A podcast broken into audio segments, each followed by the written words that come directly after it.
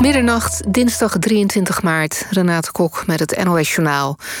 Vandaag wordt bekend of het reisadvies voor Curaçao wordt aangepast. Op het eiland geldt vanaf woensdag een lockdown... omdat het aantal coronabesmettingen er snel toeneemt.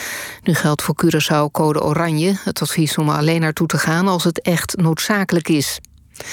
De lockdown in Duitsland wordt waarschijnlijk verlengd tot en met 18 april. Voor Pasen wordt geen uitzondering gemaakt.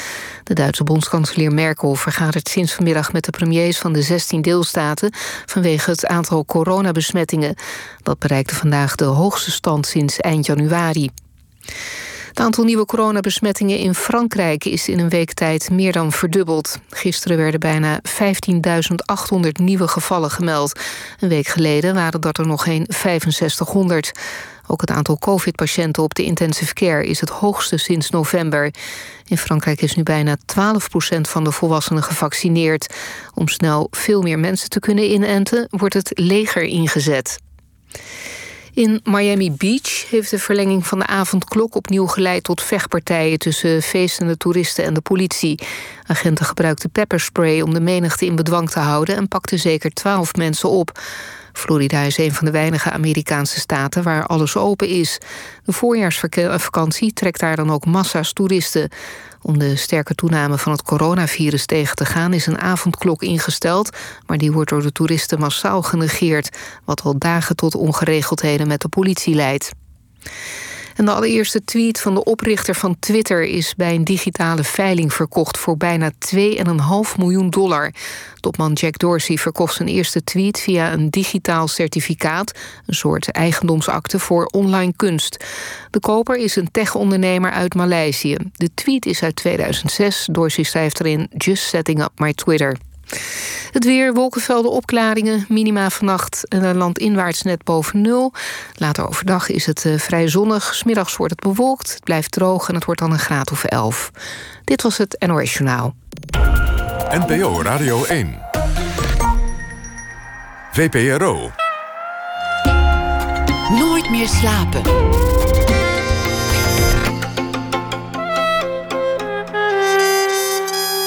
Met Pieter van der Wielen.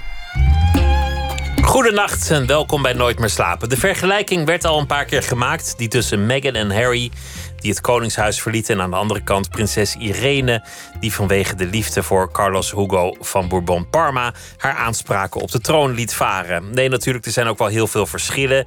Meghan is bijvoorbeeld geen nazaat van Lodewijk XIV, mikt niet op de Spaanse troon en het is niet de jaren 60 en zo kan ik nog wel even doorgaan.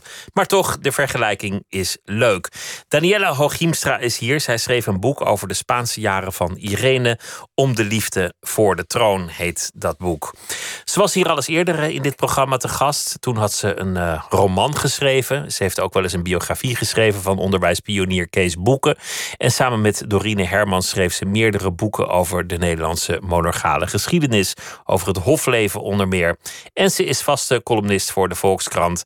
En Daniela Hooghiemstra werd geboren in 1967. Hartelijk welkom. Leuk dat je er bent. Dankjewel. Wat, wat was het moment dat je dacht: Goh, ja, ik moet toch eens in het verleden van Irene gaan duiken? Nou, eerlijk gezegd was ik niet zelf degene die dat bedacht. Het was uh, uitgever Geurt Gaarland. Uh, en uh, die had gesproken met historicus Pieter Roy. En zij kwamen op het idee van... ja, er moet eigenlijk een biografie van Irene komen. En toen hadden ze, had, hadden ze bedacht dat dat misschien wel iets voor mij was. Dus, zij wilde echt een hele biografie... inclusief de, de vroege en de late jaren... En, en alles wat er in het leven is ja, gebeurd. dus het idee was eerst de biografie. En toen uh, was ik wel degene die heel snel zei van... Ik, ik vind eigenlijk wel heel leuk om over die Spaanse tijd uh, uh, te schrijven. Want ik heb zelf in Spanje gewoond, in Madrid. En uh, ik, was wel, ik was me wel altijd bewust van, dat, van die geschiedenis. En ik, had, ik heb ook wel eens daar boeken gevonden over Carlos Hugo. Die heb ik ook gekocht toen. Um, en toen dacht ik wel altijd van... hé, hey, dit, deze geschiedenis kennen wij eigenlijk helemaal niet in Nederland. Zoals ik het heb geleerd, niet eens op school... maar zelfs nog tijdens de geschiedenisstudie...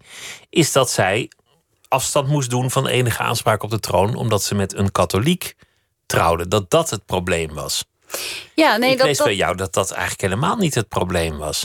Nee, dat klopt. Nee, het was uh, staatsrechtelijk. Um, was eigenlijk al heel snel de conclusie van ja, de, waarom kan er eigenlijk geen katholiek op de troon? Dat, dat kan gewoon. Het staat niet in de grondwet dat dat niet kan.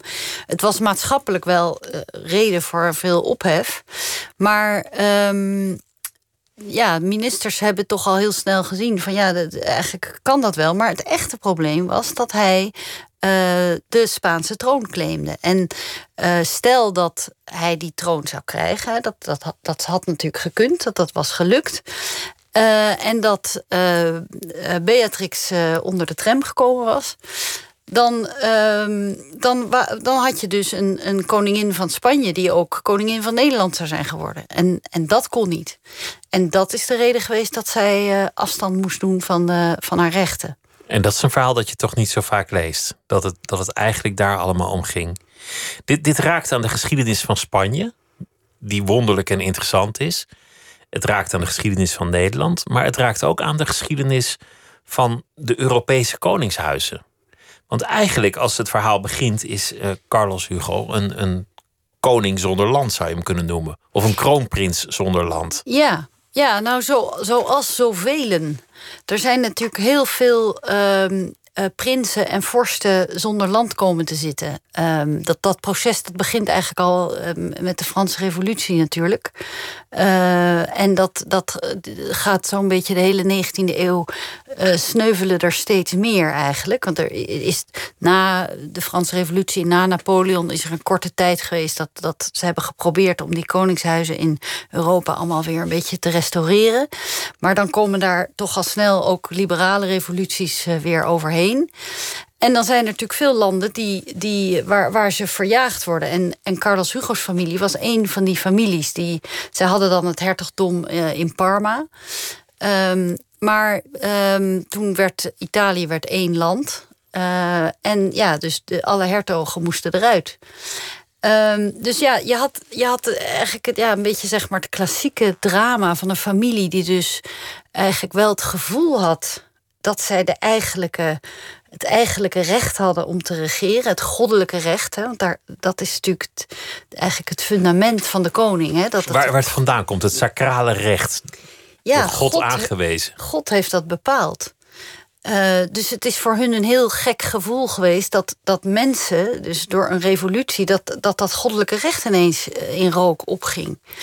Um, en ze hadden ook nog het decor van, van vroeger. Ze, ze woonden vaak nog in die kastelen. In ieder geval, Carlos Hugo's familie had, had door erfenissen. Op, ja, zij waren rijk. Want je, want je hebt in Europa ook pretendenten of, of prinsen die in bijstandsflatjes wonen. Er zijn er niet veel, maar die bestaan in Oost-Europa bijvoorbeeld. Zij hadden tenminste nog gewoon kastelen en, en appartementen in Parijs in het achtste, et cetera. Ja, en, en dus inderdaad ook echt grote kastelen. Want de, de vader van Carlos Hugo die was getrouwd met een vrouw die inderdaad ook nog uh, heel erg rijk was. Dus die, die bracht ook nog eens geld en nog meer kastelen in. Uh, dus Carlos Hugo die, die groeide echt op in het ja, echt in een soort oud 18e eeuws decor. Um, en ja, ze ging een beetje van het ene kasteel naar het andere. En, en, ook niet in één land, maar in meerdere landen. Want dat, dat was ook zo typerend aan die families.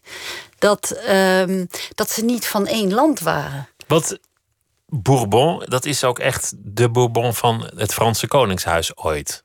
Ja, Lodewijk XIV was een, rechtstreekse voorouder van, uh, van Carlos Hugo.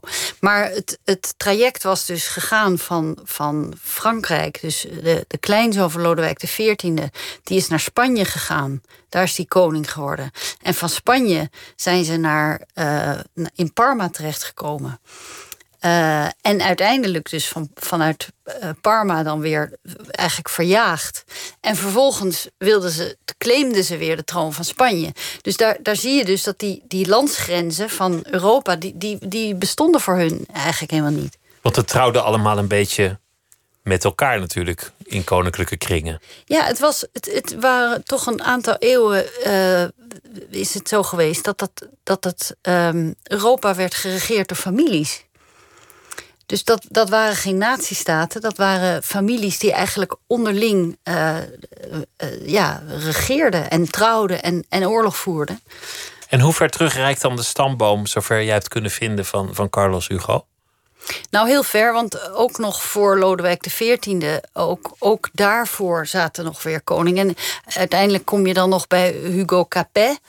Ehm, en nou, waarschijnlijk daarvoor ook nog, dat heb ik niet allemaal uitgezocht. Maar ehm, ja, het was heel veel koninklijker dan die stamboom, uh, is er eigenlijk bijna niet. En dan heeft hij dus geen land, maar nog wel alle titels die hij die, die, die graag draagt. Dan, dan moeten we ook even de geschiedenis van Spanje memoreren. Want Spanje was op dat moment geen monarchie. Maar een dictatuur onder, onder Franco nog. Ja, want de koning was uit, uit Spanje verdreven uh, in 1931. Um, en daardoor was er eigenlijk weer een soort van um, nieuw speelveld uh, ontstaan. Uh, want ja, door, door die de burgeroorlog die in 1936 begon, uh, ging natuurlijk alle panelen weer schuiven. Dus, dus iedereen deed weer mee. Uh, en dus kon dus ook dat oude conflict, wat de hele 19e eeuw in Spanje had ge, ge, gewoed tussen die twee takken in de familie. Hè, dus van diezelfde Bourbon-familie waren twee takken. En die ene tak, dat waren dus de Carlisten. Die, die claimden dus al drie burgeroorlogen lang die troon. En ze hebben hem nooit gekregen. Maar die dachten wel toen die burgeroorlog uh, begon... van nu kunnen we het weer proberen. En daar was uh, Carlos Hugo er één van? De vader van Carlos Hugo. Dus Carlos Hugo was toen nog een kind. Maar de vader van Carlos Hugo is, is uh, eigenlijk toen die burgeroorlog begon... is die naar voren geschoven als uh, de prins van, die dus voor de Carlisten... Uh, de troon moest gaan heroveren. En uiteindelijk heeft Franco gezegd... ik zal de monarchie herstellen. Ik zal zorgen dat Spanje weer een koningshuis krijgt. Ja, want het zure eigenlijk voor die Carlisten was dat ze, um, ze vochten dus samen met Franco hè, aan het, het, het, uh, het front eigenlijk van de conservatieven. Want die Carlisten was een, waren hele conservatieve, orthodoxe katholieken. Dus ze vochten tegen de linkse republikeinen met Franco. Maar het zure was dat Franco eigenlijk de macht greep. Dus um, ze wonnen wel de oorlog, maar de echte winnaar van de oorlog was, was een generaal uit Galicië in plaats van de prins uh, van Bourbon-Parma.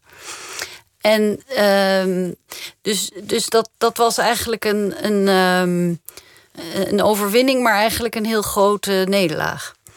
En toen uh, heeft wel, hebben ze zich wel vast kunnen houden aan het idee dat omdat Franco natuurlijk um, die monarchisten ook wat de vriend wilde houden. Want die, dat, dat, waren, dat was natuurlijk toch dat conservatieve kamp... waar hij ook de overwinning aan te danken had. Toen heeft hij gezegd, als ik doodga, dan komt er weer een koning. Dus dat was toen toch weer hoop voor die Carlisten. Want toen dachten ze, nou, als hij dan dood is... dan kunnen wij misschien hem opvolgen. Dus hun leven bestond voor een groot deel uit zich klaarmaken voor wat misschien zou komen. In het gevlei komen bij de Spaanse bevolking en slijmen bij Franco. Ja, hij had Franco Carlos Hugo had Franco nodig uh, om. Uh, want ja, de enige die, ging, die zou besluiten over wie Franco zou opvolgen, was Franco zelf. Dus je zag eigenlijk alle pretendenten die, die, die zoomden zeg maar om Franco heen. Dus je had Juan Carlos, uh, je had de vader van Juan Carlos. Uh, je had Carlos Hugo en uiteindelijk had je ook nog een neef van Juan Carlos. En ja, die, die moesten dus allemaal toch op de een of andere manier Franco zo ver zien te krijgen dat, dat zij zouden worden aangewezen. En dan komt in dit verhaal Prins Bernard natuurlijk ook om de hoek kijken. Want kan je eigenlijk zeggen dat prinses Irene het aan Bernard te danken heeft dat ze die Carlos Hugo te, te kennen heeft eh, geleerd? Uh, nou, dat zou best eens kunnen, ja. Want um, Bernard was goed bevriend met de Bourbons. Dus die, um, die vader van Juan Carlos, dat was een uh, geliefde jachtvriend van Bernard. Die, die kwam ook naar Nederland jagen op, bij domein Ruigenhoek. Dat is een van die kroondomeinen die de Oranjes hebben in Nederland. Bij Scheveningen is dat. maar ook op het Loo. Um, en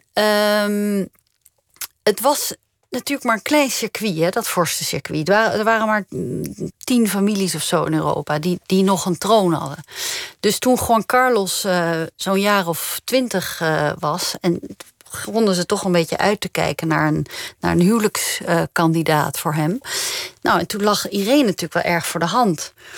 Dus ik denk zeker dat, dat Bernard wel heeft gedacht van nou, dat, dat zou best eens een mooie, mooie huwelijkskandidaat voor mijn dochter kunnen zijn. En Irene lag voor de hand, want uit een goede familie, uit een zittend koningshuis, gefortuneerd, jong, mooi. Nou ja, ga zo maar door. Ja, en Juan Carlos was daar heel uh, uh, traditioneel in. Die, die was, had altijd heel veel vrouwen en vriendinnen. En, uh, maar er zijn ook brieven bekend van, van hem dat hij dan aan zijn minnares schrijft: van ik hou heel veel van je. Maar trouwen, dat doe ik met iemand uit een vorstenhuis. Dus dat gaat, met jou zit dat er gewoon niet in. Dus die wist zeker dat. Dus daarom denk ik, en het was ook wel heel opvallend dat dus precies in die tijd dat hij echt op zoek was naar een echtgenote, was hij heel vaak in Nederland. Hij was altijd en dan ging hij weer jagen met Bernard. Dan ging Bernard kwam weer jagen in Spanje. En dus ik denk zeker dat, dat het. Um, ja, dat, dat, dat er wel, wel plannetjes waren. Maar ja, het, het, het boterde denk ik niet tussen, tussen Irene en Juan Carlos. Hoe kan het dat het op een gegeven moment wel is gaan boteren? Want, want hoe stond Irene daar eigenlijk in? Nee, maar wacht even. Dit, we hebben het nu over Juan Carlos. Oh, sorry, ja. En Carlos Hugo, dat was dus de, de andere. Dat was de, de, de rivaal eigenlijk van Juan Carlos. Dus uh, met Juan Carlos is het, is het niks geworden. Juan Carlos is getrouwd met, met Sofia uiteindelijk, hè, van Griekenland. En toen was Irene bruidsmeisje uh, op dat huwelijk. En doordat zij daar bruidsmeisje was, uh, viel zij op. En viel zij dus op bij de particulier secretaris van Carlos Hugo, die op dat moment in Madrid uh, uh, zich had gevestigd met Carlos Hugo. En zij zagen dus daar die Hollandse prinses daar in de, in de kathedraal in Griekenland door het middenschip rijden achter het bruidspaar aan. En toen heeft die particulier secretaris gedacht: van haar moeten we hebben. Zij is, zij is de, de perfecte echtgenote voor, voor Carlos Hugo. Want hij was eigenlijk al een tijdje op zoek uh, naar, een, naar een geschikte vrouw. Want hij had dus. Uh, hij had eigenlijk Carlos Hugo helemaal opgevoed hè, als, als troonpretendent. Uh, hij had hem Spaans geleerd. Hij, had, want ja, hij was eigenlijk een, een Fransman. Hè? Uh, Carlos Hugo was eigenlijk een Fransman. Dus hij had de Spaanse, Spaanse nationaliteit ook niet eens. Nee, hij had de Spaanse nationaliteit niet. Maar hij, hij, hij wilde wel die troon. Dus toen heeft dus Ramon Massot, zo heette deze man, die heeft hem eigenlijk onder zijn hoede genomen. En uh, hij heeft hem dus die Spaanse taal geleerd, de Spaanse geschiedenis, de cultuur. Um, hij heeft hem in contact gebracht met allerlei mensen. Maar ja, wat nog ontbrak was een echtgenote. Maar werd Irene verliefd op hem? Hoe, hoe is dat gegaan? Hoe is, hoe is Carlos Hugo gelukt om haar echt het hof te maken? Want dit is allemaal nog heel dynastiek van politiek is het handig als je nu met een prinses trouwt. Ja. Maar het moet ook nog wel toch gebeuren. Het was, was wel de 20e eeuw al. Dat is wel bijzonder. Dat die vonk is echt overgeslagen. Um, en uh, aanvankelijk niet bij Carlos Hugo. Dat was ook wel een beetje pijnlijk dat in, in die memoires van die Ramon Massot, waar, wat een belangrijke bron voor mij was, daar beschrijft hij dat Carlos Hugo in het begin eigenlijk helemaal niet enthousiast is over Irene. En dat hij dan ook zelf zegt van ja, die, die de Hollandse prinsessen, dat, die zijn een beetje dik. Hij vond ze te dik. De dikkertjes noemde De dikkertjes, ja. Um, maar er is toch een moment geweest dat die vonk echt oversloeg. En dat was toen ze gingen skiën samen.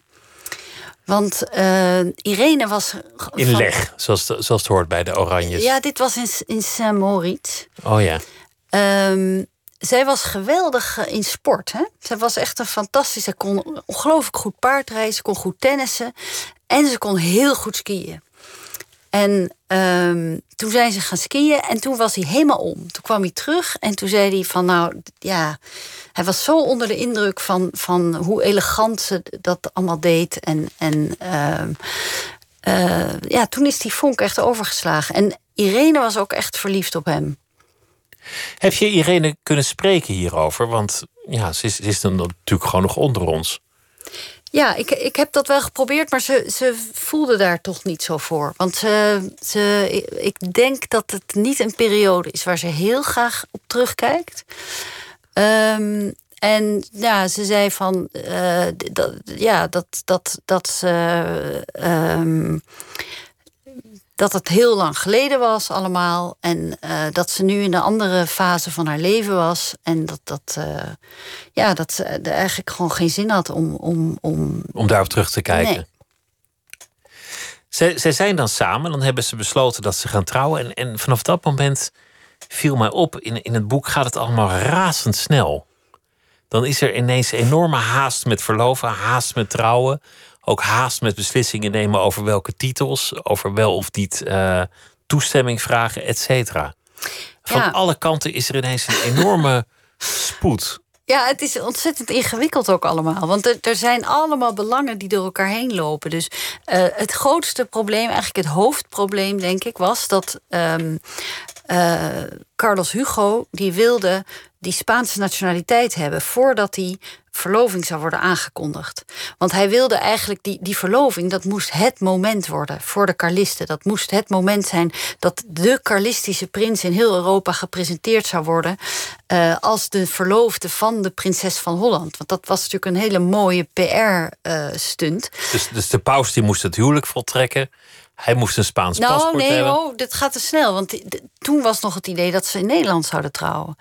Dus dat, eh, aanvankelijk dachten ze gewoon dat dat, dat huwelijk in, in Nederland zou, zou plaatsvinden. Maar het is dus allemaal misgegaan omdat ehm, hij die Spaanse nationaliteit niet kreeg.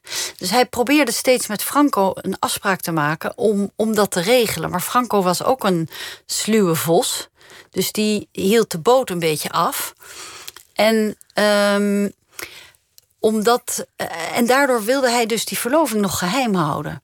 Maar in Nederland was er natuurlijk een andere situatie. Daar, had je namelijk ministers die gewoon verantwoordelijk waren voor eh, de, de, de prinses, hè, de ministeriële verantwoordelijkheid. Dus toen op een gegeven moment die geruchten gingen over zij heeft een verloofde. En zeker toen ze zich in het geheim ook bekeerde tot de katholieke kerk. Uh, en er een foto kwam van haar in een katholieke kerk. Toen was natuurlijk het huis te klein in Nederland. En eisten de, de, de, de volksvertegenwoordigers van de, van de premier dat die vertelden: wat is zij aan het doen daar in Spanje? Wij willen dat daar verantwoording over wordt afgelegd. Dus toen belde Marijne, de premier, toen die belde Juliana. En die, die zei van vertel mij nou wat, wat ze aan het doen is. Als zij verloofd is, dan moet ze dat, moet ze daar, ja, dan moet ze daarvoor, uh, ja, dan moet dat publiek gemaakt worden. Maar dat wilde ze niet. Dus toen kreeg je dat hele spel van dat ze zich eigenlijk min of meer verstopte daar in Spanje. En dat de particulier secretaris van Juliana naar Spanje reisde. En nou, een totale chaos. En, en, en Bernard en Juliana in een vliegtuig uh, naar Parijs. Uh, om daar weer met de ouders van Carlos Hugo te praten. En onverrichte zaken weer teruggereisd. En nou ja, iedereen in rep en roer. Tot dan uiteindelijk. Uh, toch maar besloten wordt uh, om, uh, om naar Nederland te komen. En dan maar te zeggen van oké, we zijn verloofd. En dan maar niet uh, die nationaliteit, dat, daar wachten we, dat, dat komt dan wel. En toen, toen is dus ook nog heel lang eigenlijk maar niks gezegd over zijn nationaliteit. Was ook wel interessant. Toen hij dus werd gepresenteerd als verloofde, werd er eigenlijk niet gezegd of hij Fransman was of Spanjaard. Dat, dat onderwerp werd gewoon een beetje toegedekt. Er werd gewoon gezegd. Uh, ja, voor het gemak werd er ook maar een titel bij verzonnen. Die had hij uh, zelf uh, had hij die bedacht. Hertog van Madrid was hij ineens. Daar werden ook weer mensen boos over. Die dacht, hey, ik was de hertog van Madrid, kom jij weer? Ja, toen kreeg je een man inderdaad uit in Wenen... die, die hoorde van, hé, hey, hij presenteert zich als hertog van Madrid... maar dat is mijn titel, dus die werd toen weer boos. Um, dus ja, het, het, het had een beetje iets... iets um, uh, iets operetteachtigs eigenlijk wel. Maar inmiddels was het wel een, een potentieel kruidvat.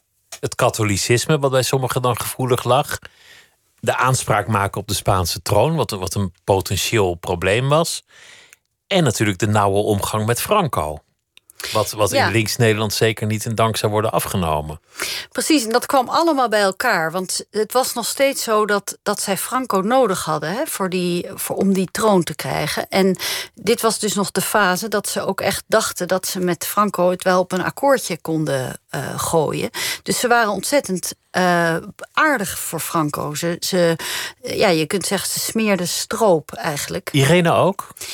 Irene ook, want Irene heeft toen een, een interview gegeven. En dat heeft in Nederland toen is dat heel slecht gevallen. Ze heeft een interview gegeven aan de Telegraaf. En ja, dat was eigenlijk een soort lofzang op, op, op de dictatuur in Spanje. Nou ja, dat viel natuurlijk toch in Nederland, met vooral in linkse kring, dan echt heel erg slecht. Want uh, Franco, dat was echt de vijand uh, van, van uh, heel links Nederland. Um, en iedereen herinnerde zich natuurlijk ook nog zijn, zijn samenwerking wel met, met Hitler uit de oorlog. Het lag heel gevoelig. Uh, dus dat interview, dat, dat uh, heeft Irene heel veel kwaad gedaan. Um, maar het gekke was ook wel dat toen die verloving eenmaal bekend was, dat ook wel weer heel snel vergeten was. Want iedereen was ook weer heel erg. Uh, want toen dat moment hè, dat ze aankwamen uh, uit Madrid, of sorry, ja, ze kwamen uit Madrid in, in, uh, op Soesterberg.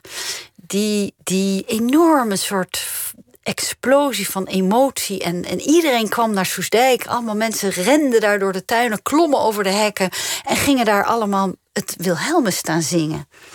Dus dat was weer zo'n moment dat je ineens weer die, die soort gekke oranje liefde die er toch altijd is.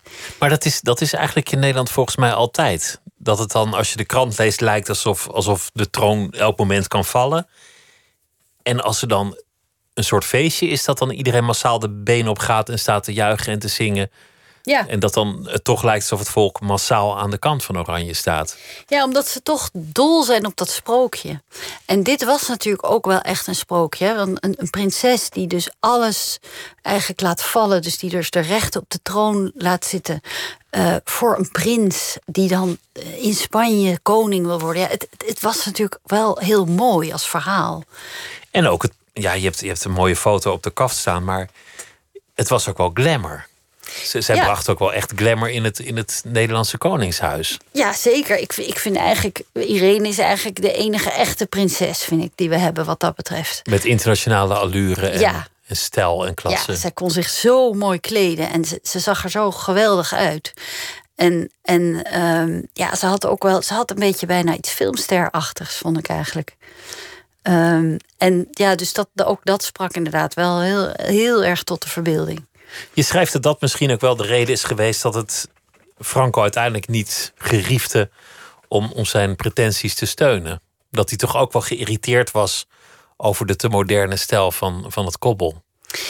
Ja, nou wat heel veel, slecht viel, dat uh, was dat um, na hun huwelijks, uh, of ja, na, de, uh, na hun, hun bruiloft, uh, zijn ze op huwelijksreis gegaan. En toen is uh, Irene in bikini uh, verschenen op het strand.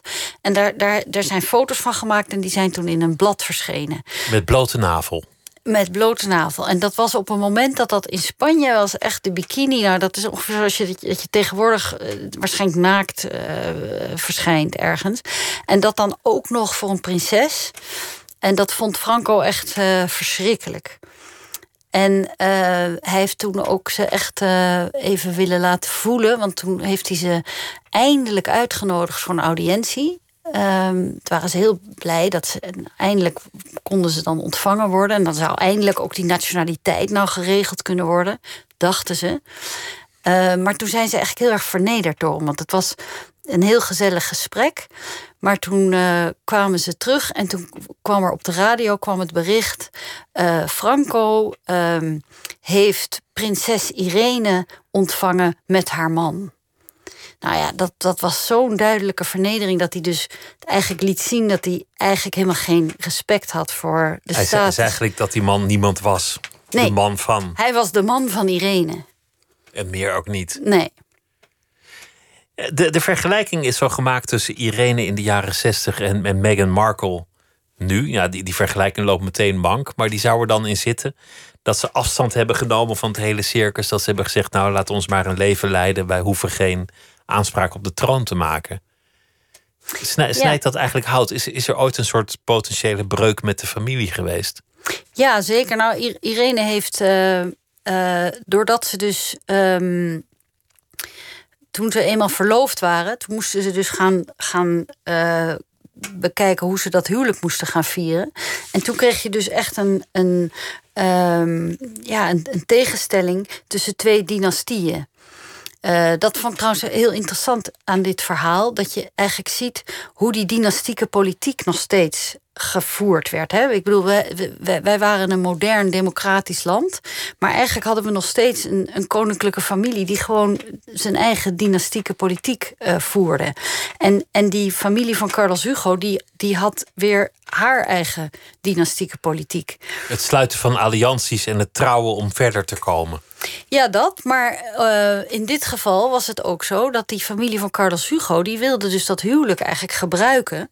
als een manier om dat Carlisme uh, uh, internationaal een statuur te geven. Dus die waren gewoon van plan om daar een groot Carlistisch evenement van te maken. En toen had je dus niet alleen dat Irene en Carlos Hugo problemen kregen met de Nederlandse regering. Maar dat ook die twee families met elkaar een probleem hadden. Dus uh, Bernard die zag dat dus helemaal niet zitten. Die wilde niet de, het koningshuis worden uh, dat ineens de Carlisten binnenhaalde. Want die had eigenlijk hele goede betrekkingen met die, met die andere, met, met Juan Carlos. Met die andere familie. Dus die, eigenlijk heeft Bernard, denk ik, die troonsaanspraak van zijn schoonzoon... heeft hij nooit helemaal serieus willen nemen. Hij stond ook niet aan hun kant. Hij, hij stond dus niet qua troonsaanspraak aan de, aan de kant van zijn eigen dochter. Hij stond eigenlijk aan de kant van Juan Carlos. Dus het werd een heel ingewikkeld spel. En toen uiteindelijk heeft Irene dus eigenlijk moeten kiezen tussen haar man en haar ouders. En toen heeft ze gekozen voor haar man. En dat was een heel dramatisch moment, want ze zou eigenlijk met, met Juliana en Bernard meegaan naar Mexico op staatsbezoek. Toen heeft ze op de ochtend dat ze zouden vertrekken, heeft ze, heeft ze gezegd: Ik ga niet mee. Ik, ik blijf hier met, met Carlos Hugo. En toen is ook besloten om dus niet in Nederland te trouwen. Uh, en toen hebben ze het voor elkaar gekregen, was ook wel bijzonder, uh, dat dus een, uh, een kardinaal in Rome hen trouwde. En niet in aanwezigheid van de volledige koninklijke familie ook. Nee, dus de, niemand was er. Er, er waren, de, premier was er niet, er waren geen ministers. Uh, en haar hele familie was er niet. Dus ze was echt op de dag van haar huwelijk was ze, was ze, was ze alleen. Er waren een paar vriendinnen, die trouwe vriendinnen, die waren gekomen. Uh, maar verder was ze, was ze echt alleen. Dus dat, dat was wel een uh, ja, was wel dramatisch. Dat, dat hele aspect wat je noemt, dat dynastieke, dat, dat is eigenlijk wat volledig ontbrak in dat interview van Meghan Markle met, uh, met Oprah Winfrey. Dat, dat hele aspect van, van dat het niet gewoon celebrity is of een belangrijke familie of je schoonmoeder, maar dat er, dat er gewoon een dynastie gaande is. Dat, dat, dat werd eigenlijk een beetje overgeslagen. Ik had de indruk dat Oprah als Amerikaanse dat niet zo interessant vond of gewoon niet op waarde wist te schatten. Ja, ik denk dat Amerikanen dat helemaal niet begrijpen. Die, die, ik denk dat misschien dat, dat, wat dat betreft, geloof ik Meghan wel een beetje. Als, als toen ze zei van ik wist daar niks van. Ik, ik bedoel, ik denk dat ze het wel best wist wat dat voor familie was. Maar ik denk dat dat echte dynastieke, dat is zoiets Europees. En ik denk ook dat dat iets is wat, wat wij in Nederland eigenlijk niet weten. Dus dat, dat vond ik echt een, een van de, de ontdekkingen van dit boek. Um, dat de familie van Oranje uh, uh, is geen gewone familie. Wij, wij, wij, willen altijd een beetje doen van ja, dat, uh, Juliana was daar natuurlijk heel goed in, weet je wel. Ik, ik ben wel koningin, maar ik zit gewoon op de fiets. En ik ben eigenlijk net als, als alle mensen hier in dit land. Maar dat is niet zo. Ze, ze zijn echt een, een eigen familie met, een, met eigen belangen. Ehm, en... maar je zei het ook terecht ja, het, de oorsprong is dat sacrale. Dat ze door God zijn aangewezen om dit te doen op aarde. Ja. Dat sacrale is er wel vanaf. Ik denk niet dat er veel mensen nog geloven dat het echt van God komt. Maar, maar daarmee is de basis natuurlijk ook een beetje, een beetje wankel geworden. Ja, Waarom die... hebben we eigenlijk een koninklijke familie als het, als het niet sacraal is? Ja, nou, dat, dat is inderdaad wel een, een vraag. En, en ze hebben dat. Uh, ik denk dat de oorlog daar een hele belangrijke uh, factor is geweest. De, de, Tweede Wereldoorlog. Dat na de oorlog was er een, eigenlijk een, een nieuwe behoefte aan een, aan een nieuw soort symbool. Dus dat rangen- en standenverhaal, dat, dat was natuurlijk eigenlijk voor de oorlog al een beetje uh, belegen aan het worden. Um, en dat heeft ook met dat goddelijke te maken. Hè? Dat, dat, dat je daar gewoon niet meer in gelooft. Dat mensen bij hun geboorte, dat, dat, dat er al bepaald is wie dat moeten worden. Uh, maar, maar door de oorlog kwam er wel behoefte aan een symbool dat stond voor iets anders, namelijk voor het goede. Uh, dus die, die koninklijke familie kreeg eigenlijk een nieuw fundament. Het, het, het werd een moreel fundament. Uh, want die obsessie met goed en fout, dat, dat was natuurlijk echt wat, wat, het land bezig hield hè, na, de, na de oorlog. En waar, we, waar Nederland zich ook aan vasthield. Uh, dat je heel graag je wilde vasthouden aan het idee dat, dat er zoiets bestond als het goede en dat jij daar aan die kant stond. Maar die mythe, dat is toch problematisch met, met Bernard. Dat toch is aangetoond op een gegeven moment dat hij wel degelijk lid is geweest en gebleven vrij lang van de Nationaal Socialistische Partij in Duitsland. En, en het suggereert dat die familie onfeilbaar zou zijn. Ja, maar dat is dus fantastisch. De, de PR-operatie in dat opzicht, die, die mede door Bernard is uitgevoerd, is, is, uh, dat is een, kun je wel een huzarenstukje noemen. Want eh, dat, uh, dat hij lid was van de, van de NSDAP is pas veel later uitgekomen door, door Gerard Aalders en Koen Hilbrink die dat hebben onthuld. maar dat was na de oorlog nog helemaal niet bekend. Dus Bernard is echt ook door Wilhelmina op het schild gehezen eigenlijk als een, als een soort leider van het goede, van de goede mensen, van het verzet. En, um, en Nederlanders waren ontzettend ontvankelijk voor, die, voor dat sprookje. Die, die wilden dat graag. Die wilden graag zich vasthouden aan zo'n nationaal symbool dat stond voor het goede. Is dat, is dat eigenlijk nog te winnen voor al die Europese monarchieën, waarvan er een flink aantal inmiddels zonder land zit? Om in een niet-sacrale omgeving aan de ene kant een man van het volk te zijn, gewoon op de fiets, ik eet ook gewoon pannenkoeken, en tegelijk aanspraak maken op een soort erfopvolging. Je ziet het ook met Meghan Markle en, en Harry. Het is theater, maar het doek moet op een gegeven moment weer dicht. Kan dat eigenlijk wel als het geen showbiz is? Ja, ik denk dat het heel moeilijk is. Uh, daarom vond ik dit ook zo interessant, omdat dit namelijk een soort van. Uh, soort echt laat, ja, een soort laatste veldslag, kun je zeggen, is waarin dus al die elementen samenkomen. En waarin dus die, die ouderwetse dynastieke politiek uh, eigenlijk samenkomt met de moderniteit. En in Irene's geval bijvoorbeeld ook de, behoefte aan, aan vrijheid. Hè? Want een van de redenen dat ze ook Carlos Hugo uitkoos, was, was ook wel omdat ze eigenlijk vrij wilde zijn. Ze wilde weg uit dat beklemmende Nederland. Ze wilde, ze wilde naar het avontuur. Maar tegelijkertijd was het ook een dynastiek uh, avontuur. En en al die contradicties hè, van, de, van, de, van die moderniteit en dat, dat ouderwetse dynastieke, dat, dat was, het was één, één grote botsing eigenlijk van, van al die dingen. En, en um, ik vraag me eigenlijk af of het. Um, of, het, of dat vol te houden is uh, uh, op de lange duur. Want eigenlijk zijn, zijn alle affaires uh, die we gehad hebben, die zijn steeds, in feite gaan die steeds over diezelfde dingen. Ik bedoel, nu het laatste uh, akkefietje met Willem-Alexander in Griekenland. Dat ging natuurlijk ook weer daarover. Van in hoeverre ben je nou een individu? In hoeverre ben je nou gewoon een, een vrije man die gewoon zegt: Ik wil met mijn gezin op vakantie? Uh, en in hoeverre ben je een vertegenwoordiger van een, van een dynastie? Dus eigenlijk zeg je het sprookje zal aflopen niet omdat het volk het wil, maar omdat die mensen zelf niet meer willen.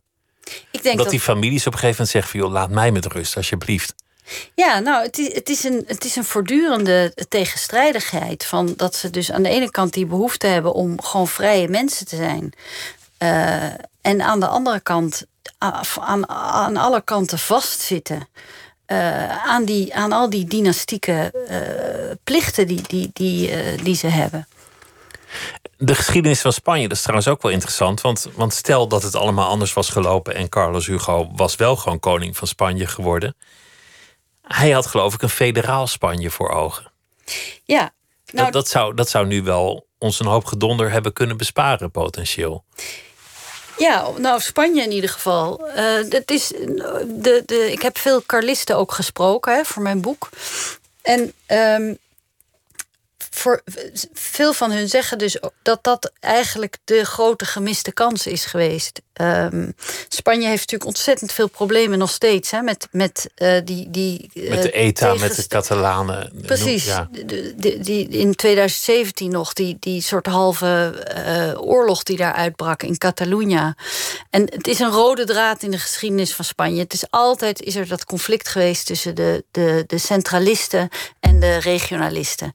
En het Carlisme heeft daarin een, ja, belangrijke rol gespeeld. Want die Carlisten die waren dus altijd voor meer vrijheid voor die regio's. En um, wat uh, die Carlisten wilden, dus ook die, die man die ik eerder noemde, die Ramon Massot, dus zeg maar de, de, eigenlijk de coach eh, van Carlos Hugo. Wat hij voor ogen had, was eigenlijk een soort federaal federaal model. Een soort beetje zoals Duitsland, maar dan voor Spanje. Dus dat je. Weer macht voor de regio's. Ja. Um, en nou ja, dat kan je zeggen dat dat, dat dan misschien een gemiste kans is. Je weet niet hoe het zou zijn gegaan als, als, uh, als uh, ja, Spanje meer als een, als een uh, noem je dat, bundeling van, van, van federale staten hadden ingericht. We zullen het nooit weten. Voor wie later inschakelde, Daniela Hooghiemstra zit hier vanwege haar boek Om de liefde voor de troon over de Spaanse jaren van prinses Irene. Je, je zei dat je zelf een tijdje in Spanje had, had gewoond. Dus jij had zelf ook wel een soort neiging van ik wil weg, ik wil de wereld in. Ja. Maar, maar ergens beviel het je toch ook weer niet. Wat, wat, wat was dat eigenlijk? Um, nou, het beviel me eigenlijk heel goed. Um, ik, uh, ik vond Spanje echt een fantastisch land, vind ik nog steeds. Uh, Je spreekt ook vloeiend Spaans. En um, Spanje heeft wel een, een soort, uh, ja, toch wel een soort magie. Dus ik begreep ook heel goed van Irene dat dat, dat, dat voor haar, en dat was waarschijnlijk in de jaren zestig nog, nog veel magischer dan, omdat toen was Spanje echt nog een vreemd land. Hè. Het was nog geen Europees land eigenlijk. Het, ze, ze hoorden nog niet bij de Europese Unie. Het was, het was echt nog een exotisch land. Um, en uh, ja, ik, ik, ik vond dat dus ook. Uh, ja, ik, ik had zelfs wel het idee van misschien ga ik hier wel gewoon wonen. Um, maar tegelijkertijd is het ook uh, heel erg moeilijk toch om als Nederlander werkelijk uh, in Spanje je helemaal thuis te voelen. Dat, um, ik had een vriend ook in Spanje. Uh, en en uh, nou ja, hij, hij had wel zo'n soort idee van... nou, jij, jij, kunt hier gewoon gaan, gaan wonen. En um, dan kun jij... dat, dat, was ook, dat speelde ook wel. Dat, het is natuurlijk een conservatief land, hè, Spanje. Um, dus dat, dat was, dit was dan eind jaren tachtig. Uh, dus ze waren al wel wat moderner, maar toch de, het idee van wat een vrouw moest gaan doen, dat was toch wel uh, gewoon kinderen krijgen. En, en, en, en dat, dat was toch wel je doel als vrouw. Dus jij vroeg, vroeg je af van hoe kan ik hier werken? En hij dacht, waar heb je het over?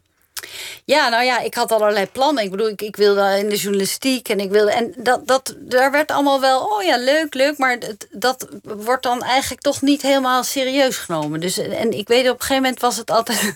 daar, daar waren dan de grootste conflicten. Gingen dan altijd als het, als het uh, woord van de. Als het uh, woord Academia de Lenguas viel. Want hij had dan als je hoofd van. Jij kan toch een Academia de Lenguas kan jij toch beginnen? Dan, komt dan, zo van, dan kun je een talenschool, kun jij dan. Weet je, en dan, en dan dacht ik van jij. Dat is helemaal niet wat je wil. Nee, dat is. Maar ja, dat was dan van nou, je spreekt toch talen, dan kun je dat toch gaan doen, weet je wel zo. Dus um, ja, dat, dat, dat was toch wel iets dat ik dacht van uh, als, ik, als ik wil gaan doen wat ik wil doen, dan kan dat toch niet hier. Dus je was met één been daar en met één been toch uiteindelijk ook niet? Ja, en uiteindelijk uh, heb ik ook wel echt besloten om, om dat, dat dan uh, uh, ja, om dat af te kappen en gewoon mijn eigen weg eh, te zoeken. En dat, dat moest dan toch wel in, in Nederland zijn.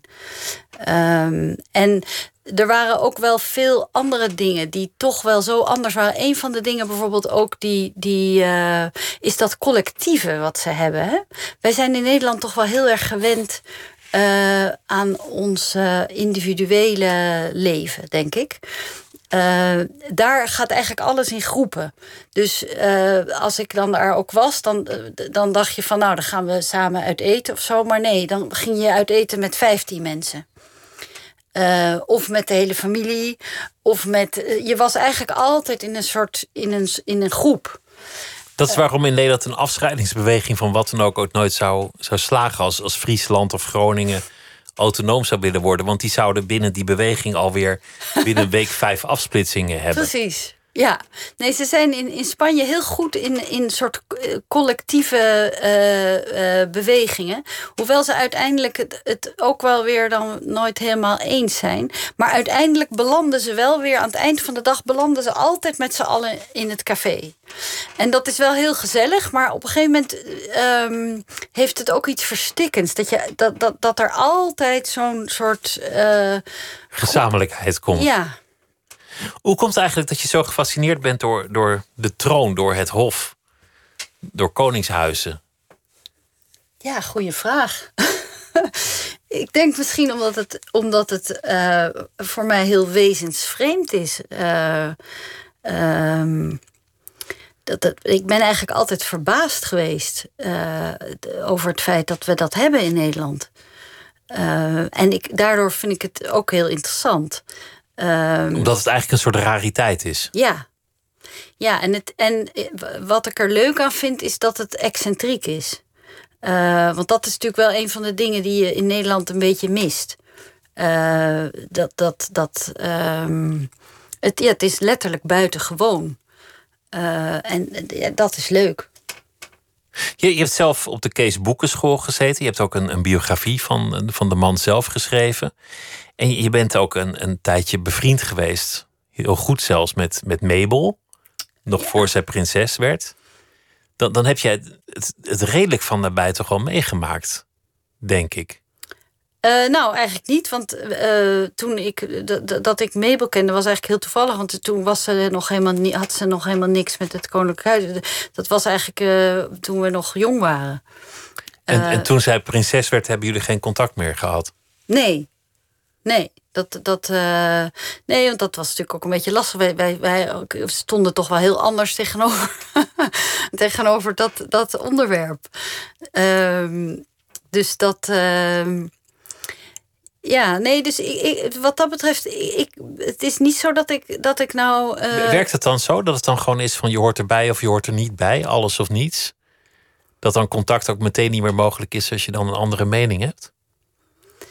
Uh, nou, nee, dat niet. Maar het, uh, ik denk wel dat het. Dat, uh, de, ja, god, ik vind het lastig. Lastig om daar nog over te praten, bedoel je? Ja. Um, ja. Ja, dat kan. Ja, nee, het is, ik denk het, het is een, een andere mentaliteit. Uh, ik, ik, was, uh, uh, ik, ik werkte toen bij, bij NRC en ik, ik, ik schreef over die familie. Ik was geïnteresseerd in die familie, maar ik, ik had helemaal niet de, de behoefte om daarbij te horen of zo. En dan ineens is je jeugdvriendin deel daarvan en dat, dat wordt gewoon wel lastig natuurlijk voor iedereen. Ja, dan, dan groei je denk ik uit elkaar. Ja. Dat, dat is denk ik uh, wat het is. Dus het, ik denk niet dat het zo is dat, dat ik uh, van jongs af aan bijvoorbeeld in die kringen of zo uh, bewoog. Eigenlijk helemaal niet, want de Kees Boekenschool was eerder een soort anarchistisch bolwerk. Het was eerder raar dat, dat de koninklijke familie daar ooit geweest is dan, dan dat het logisch was. Precies, dat was eigenlijk een. een ja, daar, daar, daar begint ook voor Irene, denk ik. Um, een, uh, al iets, iets geks. Hè? Dat, dat, dat ze dus uh, uitgerekend op die school uh, terecht kwam. want ja, die, die, die Kees Boekenschool, dat was eigenlijk de tegenpol van de hofcultuur. Kees Boeken die wilde alle rangen en standen uh, opheffen. Die wilde uh, waar je geboren werd, dat, dat, was, dat, dat, dat speelde geen enkele rol. Um, Kees Boeken wilde geen belasting betalen op een zeker punt. Hij, hij leende zijn huis uit aan zwervers, zodat hij zelf in de tuin moest kamperen. Ja, precies. Al dat, dat was een beetje de man. Ja, ja en dat, dat heeft dus ook weer te maken met die naoorlogse situatie. Hè? Dat, dat dus die koninklijke familie wilde heel graag laten zien dat zij dus dus het goede, het, het moreel juiste. Uh, en, en Kees Boeken had tijdens de oorlog ook onderduikers uh, geholpen. Dus die, die was, zeg maar, qua moraliteit stond die ineens heel hoog aangeschreven. En, en Juliana Wilhelmina wilde, wilde heel graag laten zien dat ze dus voor de een, van de eenvoud waren en van de gelijkheid. En ehm, dus dat, dat, dat was ook de reden dat ze voor die school kozen. Maar waar je het nu eigenlijk over hebt, is, is PR. Is eigenlijk gewoon personal branding, zoals dat op een gegeven moment is gaan heten. Ja. Iets wat tegenwoordig elke, elke C-actrice ook al doet. Met een bureautje kijken van waar sta jij voor? Hoe gaan we jou in de markt zetten? Hoe moeten mensen jou zien, et cetera? De beeldvorming totaal proberen te controleren.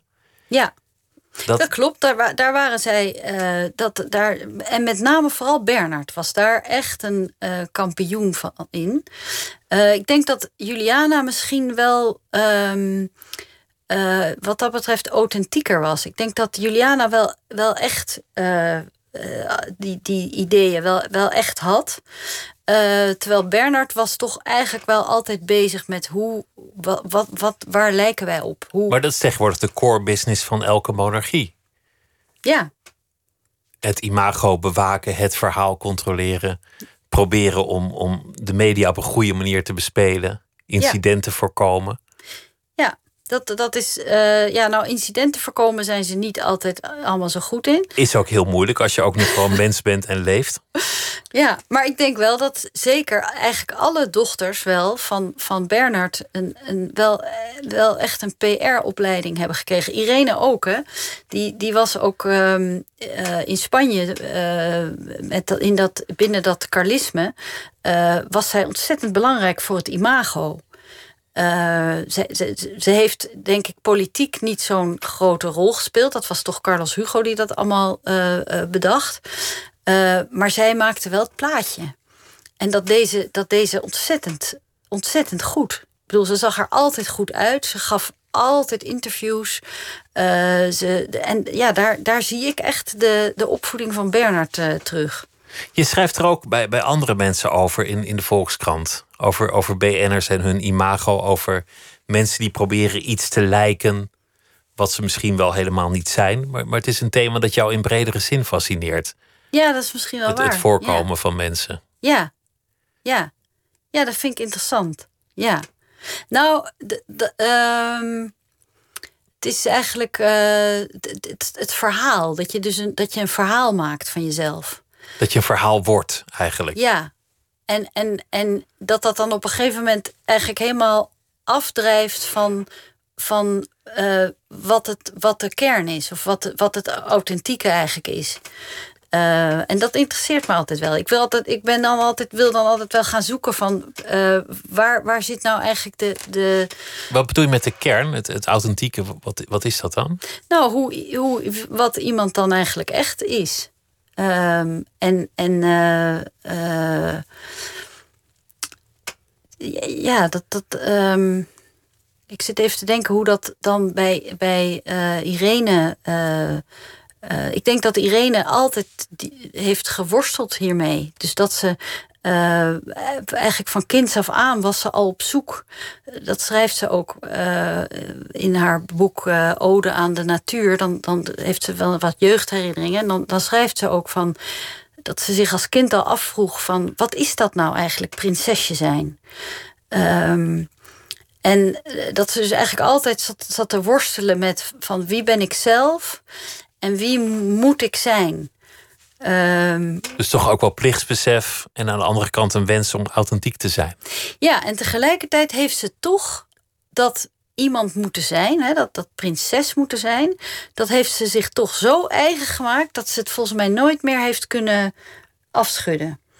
Dus je, je ziet ook nu uh, nog steeds, ze zoekt ook nog steeds het podium steeds weer op. En dan zie je haar toch steeds weer die, een beetje weer die prinses zijn. Toch altijd dat imago uh, dat, dat, ik denk dat dat gewoon in haar zit. Je hebt, je hebt niet die volledige biografie willen schrijven. Dit gaat echt over de Spaanse jaren. Wat er daarnaast gebeurd is, is wel interessant. Er zijn natuurlijk nog allerlei schandalen en, en dingen met, met haar kinderen gebeurd. Maar zij is vaak een beetje als een soort gekkie weggezet omdat ze zo'n liefde voor de natuur had. Dan werden er al gauw grappen gemaakt over bomen knuffelen en, en uh, vriendschap met de plantjes. Terwijl als je nu leest wat zij, wat zij toen zei, dan is dat heel erg actueel geworden. Ja, je zou kunnen zeggen dat ze wel gelijk heeft gekregen. Uh, ja, gelijk weet ik niet. Uh, wat ze wel in ieder geval heeft, is dat ze, ze heeft volgens mij een ontzettend goed gevoel voor de tijdgeest. Maar zij zei bijvoorbeeld, de, de mens moet niet denken dat ze boven de natuur staan. Of we moeten, moeten veel meer met de natuur gaan leven en niet tegen de natuur. We moeten ons als soort niet verheven voelen boven andere soorten.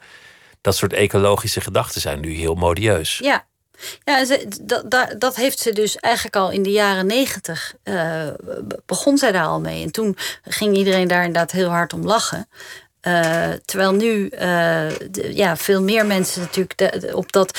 Um, maar ze, dat heeft ze dus altijd. Ze heeft bijvoorbeeld ook in, in Spanje. Uh, was ze dus eind jaren zeventig al. Begon ze, heeft ze zich dus helemaal met het feminisme. is ze zich bezig gaan houden.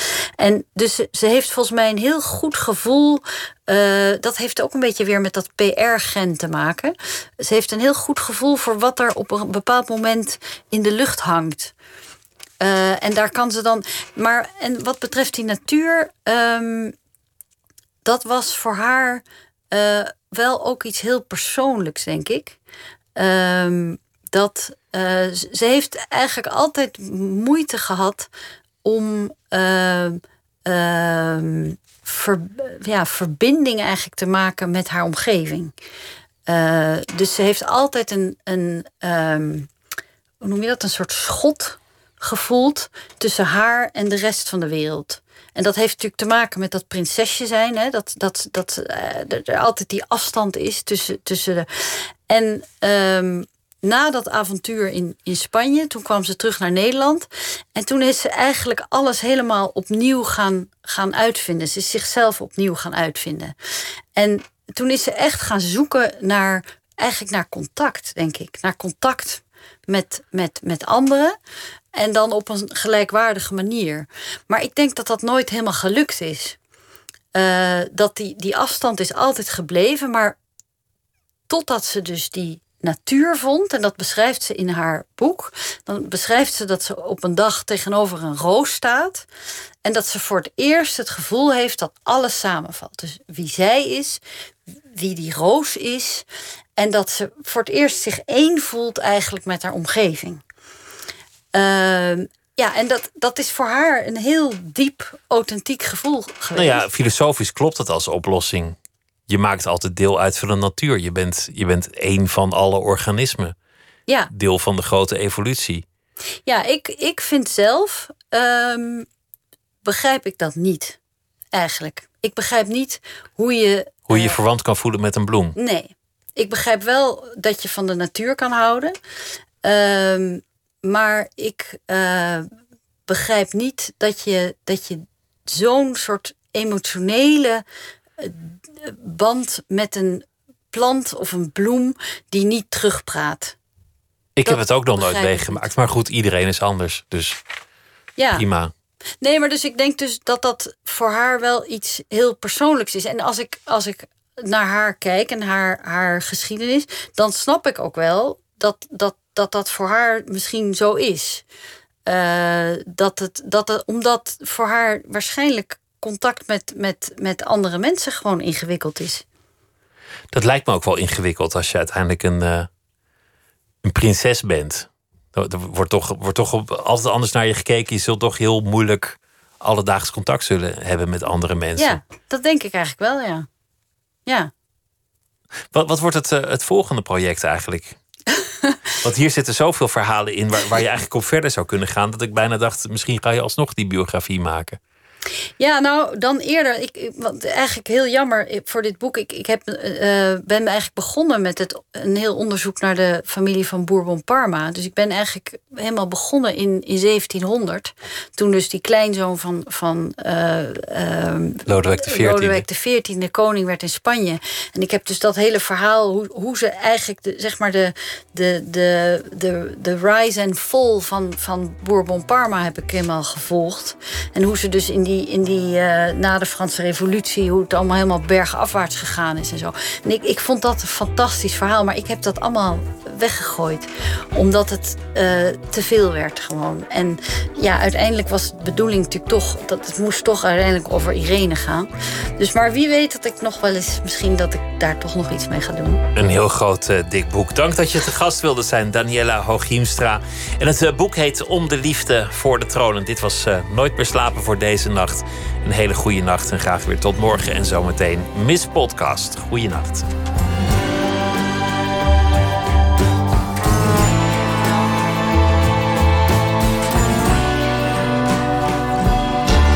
Op Radio 1, het nieuws van alle kanten.